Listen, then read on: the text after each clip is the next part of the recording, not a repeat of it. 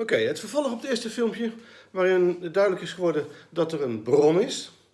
De hoogste lichte liefdesenergie in relatie met het allesomvattende bewustzijn. Daar is een individuele bewustzijnslijn uit ontstaan. En dat heeft zich gekruist met de familielijn. En toen was jij er opeens.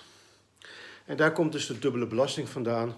Dubbel in de zin van dat het uit je familielijn komt. En dat depressiviteit ook zijn oorzaken vindt in de industriële bewustzijnslijn. Nou, dus er is licht, liefde, bewustzijn. Dus duwt zwaarte aan en dat komt in jou terecht. Nou, als je, als je depressiviteit uh, hebt, als je worstelt met depressiviteit, dan kun je stellen: oké, de zwaarte is er dus al. De zwaarte is al aangeland en daar zit ik nu middenin. Nu weet ik dat achter die zwaarte licht en liefde aan duwen is. En alles vervattende bewustzijn. Dus als ik de zwaarte in durf te gaan, als ik de zwaarte durf te laten komen, dan zal ik ook die lichtliefde en dat bewustzijn gaan ontmoeten. En ik denk dat het begint bij bewustzijn. De zwaarte is er. Word je eerst maar eens bewust van wat die zwaarte nou precies is. Hoe dat werkt. Waarom dat bij jou is. En niet bij je buurman, of bij je broer, of bij je zus, maar bij jou.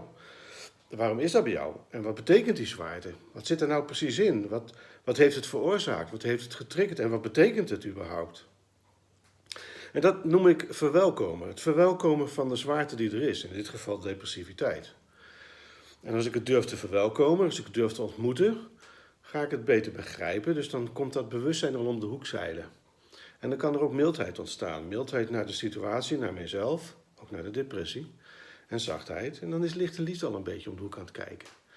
Dus het verwelkomen van wat er is, is een, eigenlijk een hele mooi begin om het nou ja, verwelkomen is het begin van transformatie.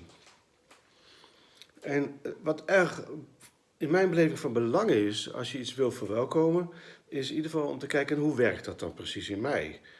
Um, dus dat is ook een, van de redenen waarom uh, mijn trainingen en ook mijn individuele begeleiding altijd begint met kennis en inzicht overdragen. Leer eerst nou eens te zien hoe het werkt in jou, hoe dingen normaliter horen te werken.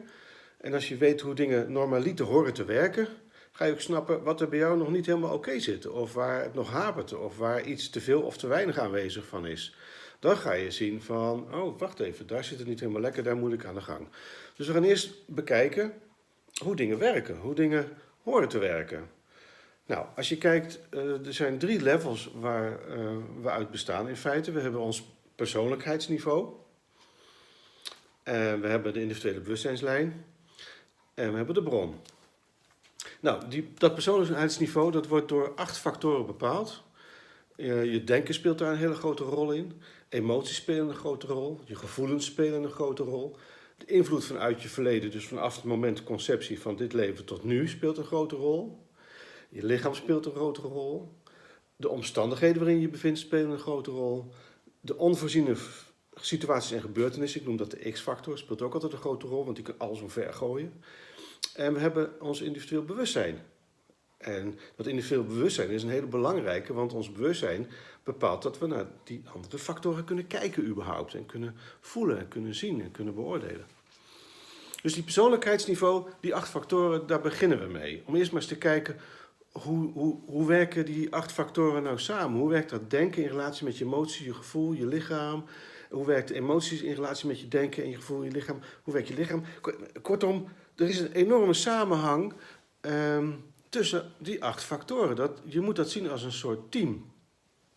Nou, en het werkt eigenlijk hetzelfde als een, een voetbal- of een handbalteam. Nou, laten we een voetbalteam nemen. Daar zitten elf spelers en uh, misschien ook nog een paar op de bank. En als ik een andere strategie of een andere tactiek wil doorvoeren met mijn uh, voetbalteam, dan moet ik al mijn spelers gaan aanspreken.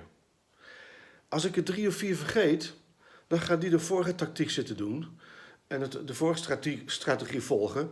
En die gooien mijn nieuwe tactiek en strategie helemaal door elkaar.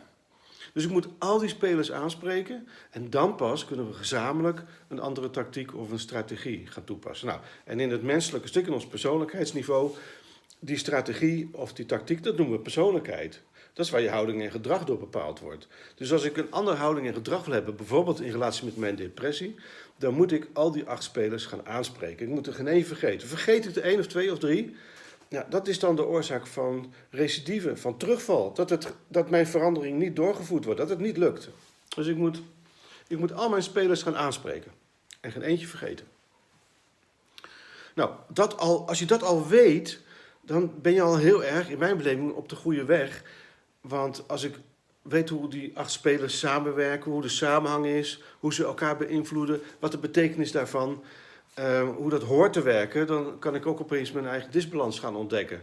Want als het allemaal in, in samenhang en in, in balans is met elkaar. En nou ja, ik kan bijvoorbeeld stellen dat als ik depressief ben, dat mijn gevoel heel erg op de voorgrond is gekomen. En een hele bepaalde factor is geworden.